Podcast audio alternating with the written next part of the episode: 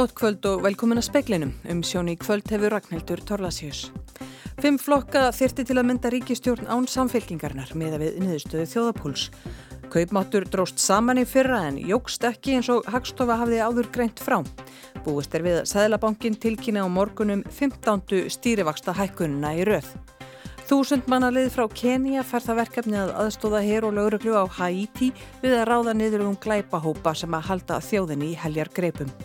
Verndun vilt slags og eftirlit með sjókvíaldi er greinlega ekki lægi, segir professor í umhverfisrétti sem telur Ísland bregðast skildum sínum til að verja lífræðilega fjölbreytni. Maður á 60s aldri sem fannst látin í heimahúsi í Bátavogi í Östurborg Reykjavíkur á lögotaskvöld fyrir einu og hálfri viku var myrtur. Þetta staðfestir Ævar Pálmi Pálmarsson í rannsóknandeild lauruglunar á huðborgarsvæðinu. Kona á 40s aldri var handtekinn vegna málsins og hefur setið gæsluverðhaldi síðan. Konan er, var skráð með búsetu á heimilinu en maðurinn virðist hafa dvalið þar líka. Samkvæmt upplýsingum fréttastofu var maðurinn með áverka á hálsi og á kinnfærum. Ævar Pálmi vildi ekki tjá sig um það við fréttastofu. Hann staðfesti hins vegar að döður smáhundur hefði fundist í búðinni. Fimm flokka þyrti til að mynda ríkistjórn áns samfélkingarinnar með að við niðurstöðu þjóðapúls Gallups. Samfélkingin nýtur 30% fylgis samkvæmt þjóðapúsli Gallup sem sagt var frá í tíu fréttum í gær. Sjálfstæðisflokkurinn er með rúmlega 20% fylgi. Aðrir stjórnmálaflokkar eru með minna en 10% fylgi. Stuðningur við ríkistjórnina nefnur 35%, 19% stegum minna en í síðustu alþingiskostningum. Ef litið er á heldarfjölda þingmanna, ef niður stöður konunnarinnar væru úrslit alþingiskostninga, þá fengir samfélkingin 22 þingmenn, sjálfstæðisflokkurinn 14, píratar 6 og framsóknarflokkurinn viðreist og miðflokkurinn fengju fimm þingmenn hver og flokkur fólksins og Vafge fengju þrjá þingmenn hvor. Ríkistjórnin er nú með 38 þingmenn en samkvæmt könnuninni með 22 þingmenn. Einu möguleikin á tveggjaflokkastjórn væri samfélking og sjálfstæðisflokkur með 36 þingmenn. Ekki er þið mögulegt að mynda þryggjaflokkastjórn án samfélkingarinnar, líka væri ómögulegt að mynda fjóraflokka meiri hluta á þingi án samfélkingarinnar. Svarendur í konunni koma úr 11.000 manna úrtæki viðhorfa hóp skallúps. Svar hlutfall var 48,5% og vikmörk á fylgi flokka 0,6 til 1,4%. Þórdís Arljótsdóttir segði frá. Atkvæða greiðslæri hefjast um tillegumarkets fulltróðdelda þingmanns republikanna og bandarækjaþingi um hvort Kevin McCarthy, flokksbróður hans, verði settur af sem fórseti deildarinnar og vist er hvort að meiri hluti sé fyrir tillegunni. McCarthy samti við demokrata um að loka gatið á fjárlögum næsta ár svo koma þannig í vekk fyrir að ríkistofnunum erði lokað í 45 daga. Hagstofa Íslands leiðrætti í dag áður útgefna fréttatilkynningu sína um kaupmátt ráðstofuna tekna fyrir síðast ár og fyrir helming þess ás. Kaupmáttur ráðstofuna tekna á mann dróst saman um 0,1% í fyrra en áður hafði Hagstofan sagt að kaupmáttur hefði aukist um 2,4% á manni fyrra. Þetta er þá í fyrsta sinn frá 2012 sem kaupmáttur dregst saman á milli ára. Þessi mismunur veldur því að kaupmáttur ráðstöfunatekna á mann á öðrum ársfjörðingi 2023 dróst saman um 5,2% en ekki um 6,1% eins og greint var frá í gær. Hagstofan tekur fram á vef sínum að þessar tölur séu skilgreindar sem bráðabyrða niðurstöður. Endur skoðaðar niðurstöður verði byrtar þegar að fyrirleikja upplýsingar um skatt úr skattframtölum, fyrirtækja og einstaklinga. Og búist er við að peningastafnunand Sælabanka Íslands ákveði enn einu sinni að hækka stýrivexti. Ákvarður nefndar nærverður kunngjörði fyrramálið en stýrivextur eru nú 9,25%. Sérfræðingar á markaði telja flestir að hækkunin verði á bylinu 0,25 til 0,5% stygg. Reynist það rétt verður það 15. stýrivexta hækkunin í rauð. Valdimar Ármann, forstuðumadur eignastýringar hjá Artika Finance, spáur 25 punta hækkun í fyrramálið en bendir á rauk þeirra sem segja að áhrif fyrir vaksta hækkana séu ekki að fullu komin fram. Og það er alveg komin tími á það líka að Sælabankin leifi vaksta hækkunum að býta á hækkerfið og það tekur tíma fyrir eh, vaksta hækkanir að seikla út í hækkerfið og fjármögnunarkjör fyrirtæki og heimila og núna næstu mánuði gerir maður ráð fyrir því að sjá verðskrár og, og, og lánakjör bara hækka jæmt og þjætt og þrótt þó að Sælabankin hafi kannski sjálfur toppað sitt vakstahækkunarferli núna á, á morgun. Saði Valdimar Ármann. Umfangsmikil reytudauði á Svalbardha ætti ekki að hafa áhrif á stopnin hér á landi að sögn Guðmundar Guðmundssonar dýravistfræðings hjá Náttúrufræðistofnun Íslands. Þúsundi reyta drápust af veldum fugglaflensu á eigu við Svalbardha. Sérfræðingur hjá Norsku heimskutastofnuninni segist aldrei hafa séð viðlika fjölda döðra fuggla. Töluvert af dauðum, rítum og lundum fundust við vesturströnd Íslands seint í vor en engin merki um fugglaflensu fundust í sínum sem tekin voru úr þeim. Guðmundur telur að fugglakólera gæti hafa valdið dauða þeirra. Dauði rítana á Svalbardha ætti ekki að hafa áhrif á stopnin hér þar sem rítan sem hefur sumardvölu á Íslandi leitar vestur á bógin á veturna. Aðrir fugglar gætu þó borið með sér fugglaflensu frá Svalbardha því nokkrir farfugglar fljúa á milli Svalbardha og Íslands. Síni sem tekin voru úr dauðum haverni sem fannst á skeri í breyðafyrði og æðarfugli sem fannst á Ólafsfyrði í september inniheldu skæða fugglaflensu veiru af stopninum H5N5 sem ekki hefur greinst hér á landi áður. Stopnin hefur aðeins greinst í fjórum sínum í Evrópu, öllum úr viltum fugglum í Noregi og í Svíþjóð. Stopnin sem hefur verið ríkjandi í Evrópu og víðar séðan í oktober 2021 er H5N1. Matvælastofnun tilur litla hættu á útbreyðslu skeðrar fugglaflensu veiru hér á landi og metur smittættu fyrir alifugla og aðra fuggla í haldi því litla.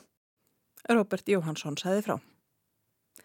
Hægt hefur á landrisi í ösku og á nokkru mælum hefur ekkert landris mælst frá því í lok ágúst. Á sama tímabili eru yngar vísbendingar um aukna jærskjáltavirkni eða óeðlilegar breytingar á jærðhýtavirkni í ösku að þér segjar í tilkynningu frá viðurstofinni. Óvist er hvað veldur þessari breytingu á þenslunni, mögulega hefur innflæði kviku stöðvast eða kvikan hefur fundið annan farveg sem dregur úr þrýstingi undir eldstöðinni. Ekki hægt að fullir það hver þróunin verður, hver þróun mála verður í ösku sem er enná óvissu stíi almannavarna og vísindamenn fylgjast áfram grænt með. Nýri skjáltastöð var bætt við í ösku, vestan við ösku í síðustu viku til að bæta staðsetningu og dýft í jærskjálta. Jærskjálta mælinga Fyrirkomulag bólusetninga gegn HPV veirunni verður óbreytt með nýju bóluefni en nú fá önnur kynan stúlkur hana líka. Nýtt bóluefni veitir einni góða vörn gegn kynfæravörtum. HPV veiran er afar útbrytt og talið að flest þeirra sem eru kynferðislega virk smitist af henni. Hún er til í yfir hundrað afbreyðum og þaraf eru á annan tug sem þekkt er að geta þróast yfir í krabbamenn. Aðrar valda kynfæravörtum en flestum fylgja engin enkenni. Bæði bólefnin eru mjög virk og, og gegn algengustu stafnunum sem að, að finnast í krabbaminnum og, og sérstaklega leiháskrabbaminni en bólefni sem er núna verið að fara að nota, uh, Gardasil, að það virkar einni gegn svo kallan kynfæra vörstum segir Guðrún Aspelund, sótvarnalæknir. Bólusett hefur verið fyrir HPV verunni síðan árið 2011. Hingað til hefur bólusetning aðeins borist stúlkum í sjöndabökk en með tilkomu nýs bóluefnis verður bólusett óháð kyni. Bólusett verður áfram í skólum og á sama aldri. Já, þetta er bara hefbundin uh, bólusetning, það er alltaf látið vita. Uh, þetta er, uh, verður gert fjölskyldur fá skilabóðum það alla bólusetningar eru þetta valkvæðar á Íslandi, það er engin skildar í bólusetningu. Bóluefnið getur komið í veg fyrir vissar gerðir krabbamina, á borðið leghálskrabbamin, krabbamin í endatharmi og í kynfærum karla. Þetta getur við ekki alveg stoppað, það eru ákveðin krabbamin þar sem finnst ekki veira. Þetta er ekki veira í öllum, til dæmis leghálskrabbaminum, en í miklu meiruluta þegar finnst uh, þessi veira. Þannig að þetta mun uh, geta komið í veg fyrir stóran hluta sagði Guðrún Aspeljótt. Ari Pál Karlsson tók saman.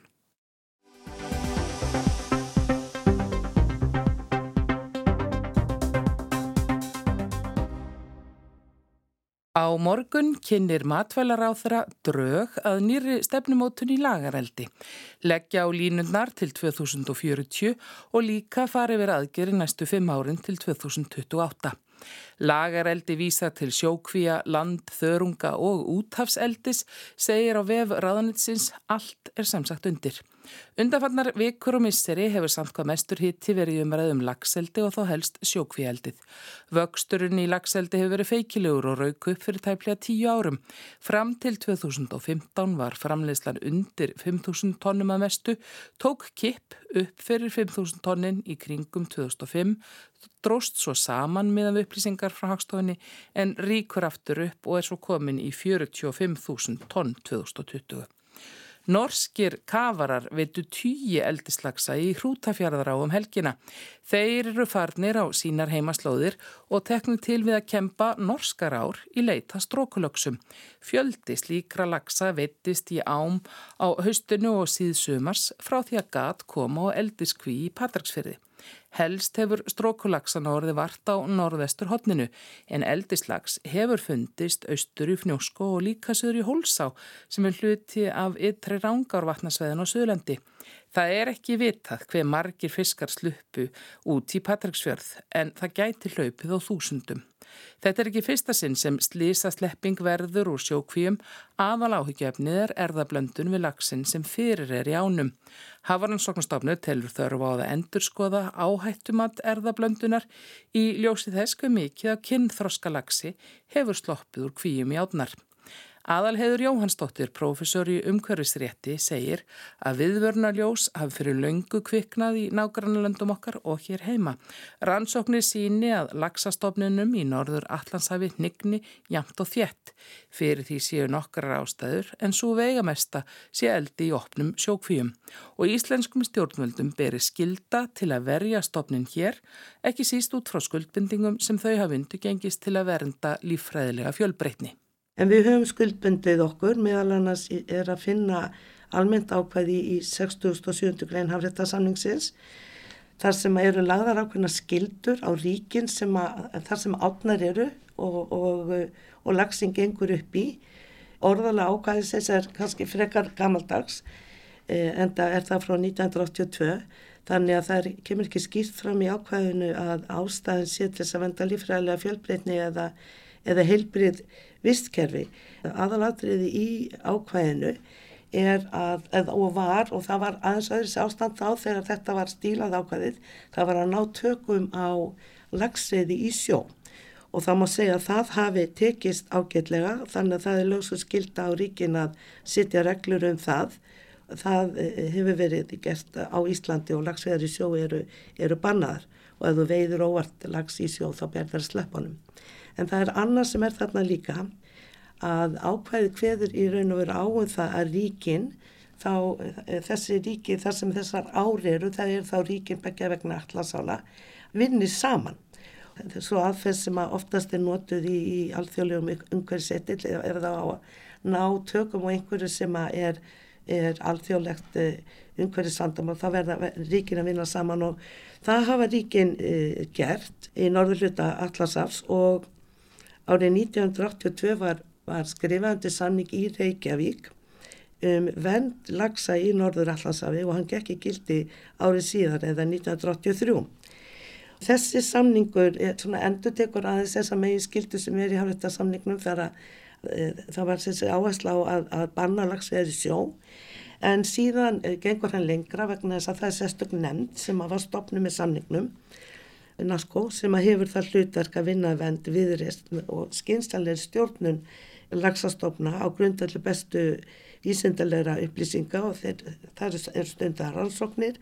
Upplýsingum er sapnað, ríkjónum ber að gefa skýslu um stöður lags, lagsastofna í ám og innan sinna lagsu og svo framvís.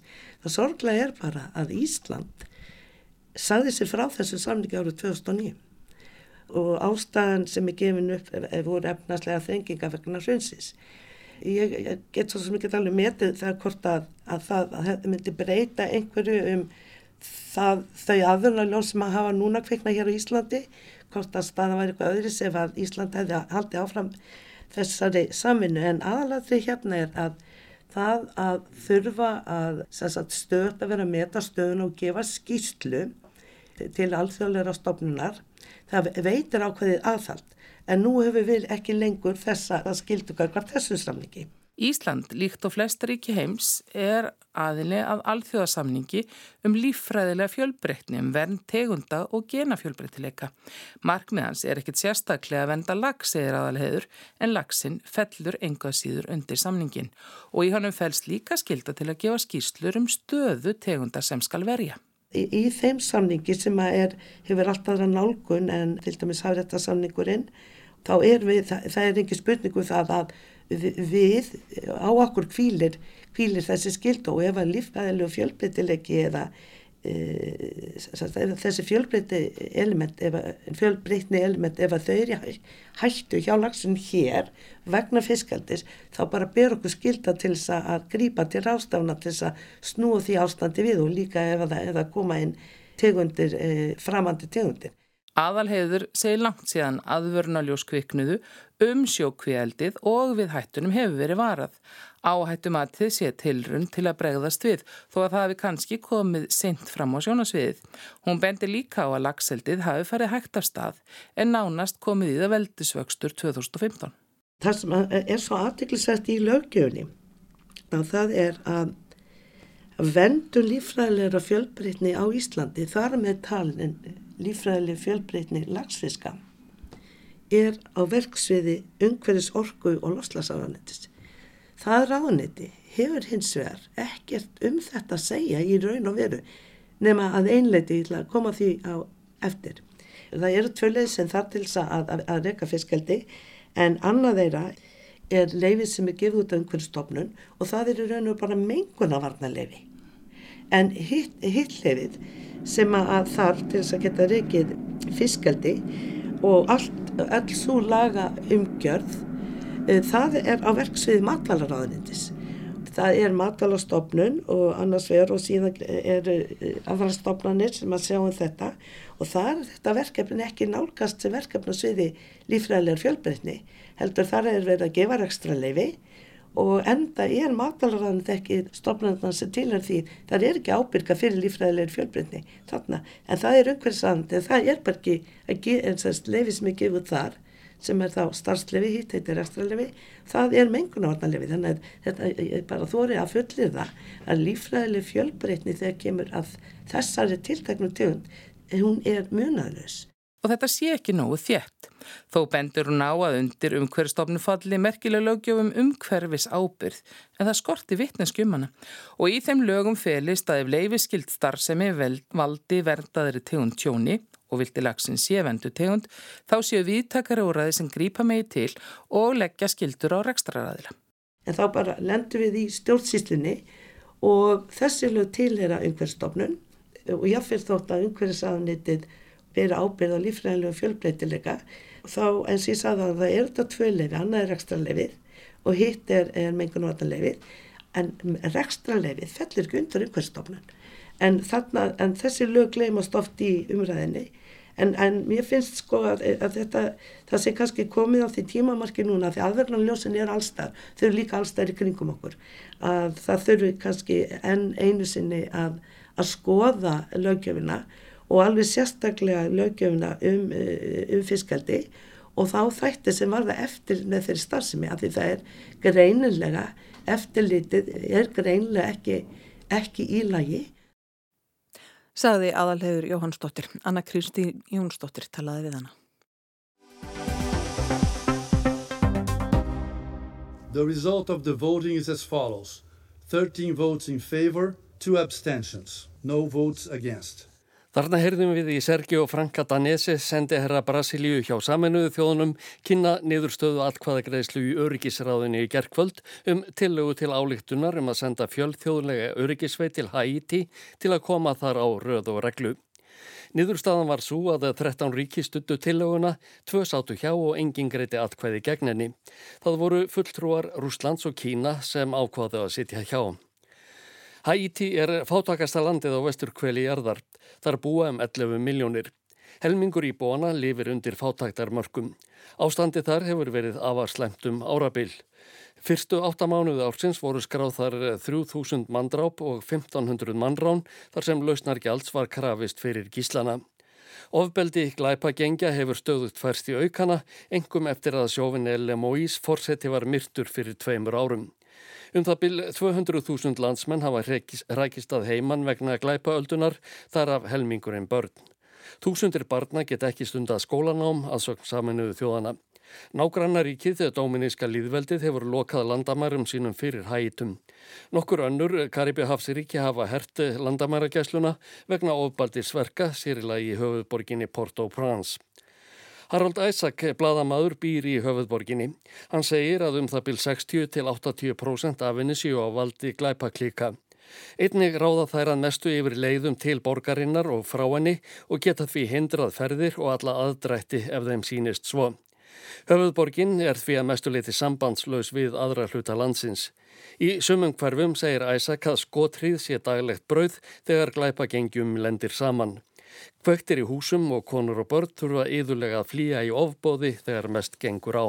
Women and children running for their lives because gangs are setting houses on fire. They're killing indiscriminately. So it's been a very difficult couple years for Haitians. Saminuðu þjóðirnar hafa falið gæsluliði frá Kenya að aðstóða hægitísku laurugluna á herin að takast á við glæpa gengin. Stjórnveld þar í landi buðust í júli til að senda þúsund manna hers, hersveita á vettvang til að koma skikki á hlutina og til að aðstóða við að efna til kostninga. Þeir hafa ekki getað farið fram árum saman þannig að ókjörnir ennbættismenn stjórna landinu af veikum mætti. En hvers vegna Kenya? Because somebody has to do it. Einhver þarf að gera þetta, svaraði Alfred N. Mútuna, utanríkisráð þeirra Kenya í viðtali við Breska ríkisútvarpið. Hann sagði að stjórnvöld í Nariubi hefðu fylst með ástandinu á Haiti síðustu ár og hefðu trú á að þau getur komið að liði. Í öðru lagi sagðan að þegar eitthvað bjátaði á í Afríku, þurkar, flóð og þess áttar væru sendinemdir frá öðrum heimslutum reyðubúnar að koma til hjálpar. Því ættu Afríku þjóðir að koma öðrum til aðstóðar, ættu þær þess kost. Keníski stjórnmálafræðingurinn Dimas Muka segir í viðtali við Al Jazeera að verkefnið að Haiti eigi eftir að koma kenísku lögáreglunni til góða. Liðið fái sérþjálfun og búnað sem það hefur ekki yfir að ráða. Þá verði fjármunum útlutað til Kenya og fleiri ríkja sem senda liðsauka til Haiti. Því verði örgis sveitarmennirnir á betri launum en heima fyrir. Stjórnvöld á Jamaica, Bahama-eigjum og Antigua og Baruta hafa þegar líst yfir áhuga á að senda gæsluliða til landsins. Bandarækja stjórn hefur heitið að styrkja verkefnið með 200 miljónum dollara. Stjórnvöldi Kenja rekna með því að senda liðsitti til Haiti öðru kvorun megin við næstu áramót. Verkefninu á að ljúka um áramótin þar á eftir. Ásker Tómasson saði frá.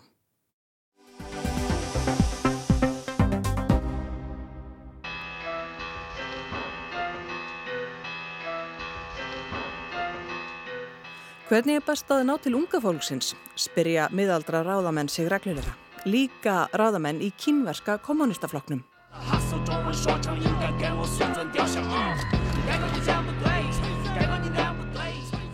Þetta er rapparinn Guy. Hann vakti fyrst aðtegli í raunveruleika þætti og var svo feikni vinsætli í Kína. En svo var hann settur út af sakramentinu. Guy var ekki nægilega grandvar í listsköpun sinni en það rappaðan um eiturleif, glæpi og ofbeldi.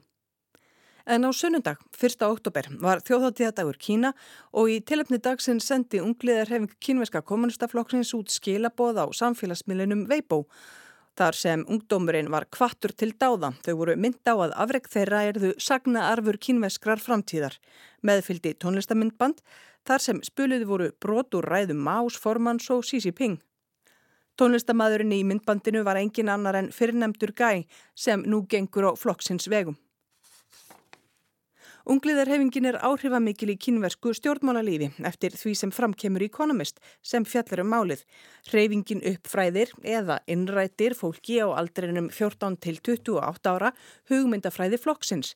Hreyfingin er líka vettvangur fyrir upprennandi stjórnmálamenn til að æfa sig og þangað líta stjórnendur flokksins til að finna hæfileika fólk, vonar stjórnur sem hægt verið að þjálfa betur og koma til áhrifa. Ungliðarhefingin á líka að koma málstæðnum á framfæri út af við til þeirra sem að hafa engin pólitísk tengsl. Þegar Xi Jinping tók við völdum árið 2012 hafði hann bersinlega áhyggjur af því að ungliðarhefingin stæði sér ekki í stikinu. Hún þótt ekki lengur vera í tengslum við unga kínverja. Hann veldi því breytingar. Og ungir kynverjar eru ósáttir núna. Það er kirstaða í hagkerfinu sem áður var í blúsandi vexti. Atvinnleysir á meðal ungsfólks í borgum. Það er um 20% og húsnæðiskostnaður í hestu hæðum. Ungt fólk sem hafði lagt hartað sér í skóla bjóst við að geta komist í góða vinnu, allavega þokkalega. En það að fá vinnu, kaupa sér íbúð og halda upp í fjölskyldur fjarlægur draumur fyrir marga. Í fyrra brutust meira að segja út mótmæli í fjölmörgum borgum vegna núlstefnunar svokvölliðu að halda COVID alveg niðri með hörðum aðgerðum, stefnu sem að hafði alvarleg áhrif á efnagslíf landsins og kom almenningi til að mótmæla á götum úti. Ekki hafði verið mótmælti í Kína af því líka krafti frá árinu 1989 þegar mótmælin á torki hins himneska friðar voru kveði niður af skelvilegri hörku þegar að alþýðu herin var sendur á borgarana og mörg hundruð því að bel mörg þúsund fjallu. Það að fólk skildi fara át á götu að mótmæla segir sína sögu um ástandið.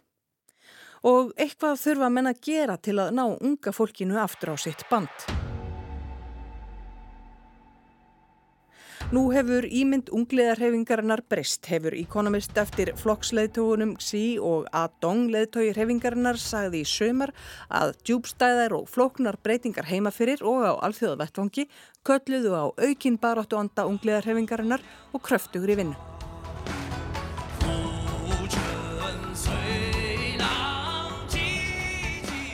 Fyrir nokkrum árum bönnuðu stjórnvöld ljósvakameðlum að nota listamenn sem væru með húðflúr eða tengtust hip-hop menningunni eins og það var orðað. Gæi sem að heitir So Jan er flúraður, meirað að segja er talið að hann sem er eitt tattu á ennsku. Í þokkabót slettir hann stundum á ennsku. En síðan var ákveð að breytum stefnu. Hungliðarhefingin nýtir sér rappara og aðra vinsæla tónlistamenn til að dæla út efni á samfélagsmiðla í vonum að ná til ungs fólks. Í fyrra voru 200 miljón manns áskrifundur að efni frá ungliðarhefingunni samkvæmt tímaritir hefingarinnar dagblæði kínvesku æskunar. Ungliða reyfingin notar líka gælunafna á samfélagsmiðlum. Í Kína þykir krútlegt að tvítakanöfn. Gælu heiti ungliða reyfingarnar myndi útleggjast á íslensku reyfing-reyfing sem hljómar nákvæmlega ekkert krútlega en Chuan Chuan gerir það vissulega og minnir á pöndunöfn sem oft eru ymitt tvítekin eins og nöfn pandana Ró Ró, Bá Bá og Tján Tján. Það er sem sé verið að reyna að flikka upp á ímyndina. Economist bendir þó á að orðræðan sem notuði er á samfélagsmiðlareikningum unglegarhefingarnar, hún sé ekki krútlegum og ekki áheyrileg í vestræn eiru. Reykningar ungliðarhefingarnar séu notaðir til að dæla yfir netið gaggrinni á Vesturlönd og Kínverja sem að hafa neikvæðar hugmyndir um kommunistaflokkin. Hreyfingin noti líka öfluga samfélagsmiðla sína til að spúa napur yrðum yfir vestræna bladamenn og ráðast á brottflutta Kínverja sem stjórnvöld grunar að dreifi áráðuri og kynnti undir uppreysnar kesti. Vafalítið hefur þjóðarnistalið áhrif á unga kínverja til vil bladið en segir óvist hvernig ungliðarhefingunni gangi að laða til sín þá manngerð sem flokkurinn þarf, fólk sem hendar vel til stjórnmálastarfa. Ópenberar tölur sínað fækkað hefur um 20% í flokknum frá því að sí var leðtói flokks og ríkis fyrir 11 árum. Þriðjungur ungsfólks er skráð í flokkin en flokkurinn vill nefnilega ekki lengur hvert sem er. Kennarar eru ekki lengur beðnir um að skrá heilu bekkina í flokkin eins og eitt sem tíðkaðist. Skólar fá þvertamóti kvóta mega aðeins skrá svo og svo marga í flokkin. Ungliðarhefingin er að reyna að komast inn fyrir hjá almannahillafélögum og engafyrirtækjum þar sem lítið hefur farið fyrir henni. En undanfærin ár hafa þá verið stopnaðar ungliðadeildir í fleiri en 300.000 félögum og fyrirtækjum. Nýju ungu flokksfélagarnir sem þær eru skráðir geta átt von á að vera bóðinir í stöku heimsóknir á söguslóðir byltingarinnar og fá að sitja lengi á skólabekk að hlýða á hugmyndafræði leðtóðun Xi Jinping og kannski líka á kommunistarrapp. Og veðurhorfur Það er norðaustan kaldi eða stinningskaldi, stöku skúrir eða slittuvél, norðan og austanlands. Lítilsáttar væta sunnan til. Stittur upp er líður á daginn. Milt í veðri, kólunar annað kvöld. Og fleira var ekki í speklinum í kvöld. Tæknimaður var Kári Guðmundsson, Margrit Júlia Ingimarsdóttir stjórnaði fréttátsendingu. Hægt er að hlusta á speilinni, spilararúf og helstu hlaðarpsveitum. Verðið sæl.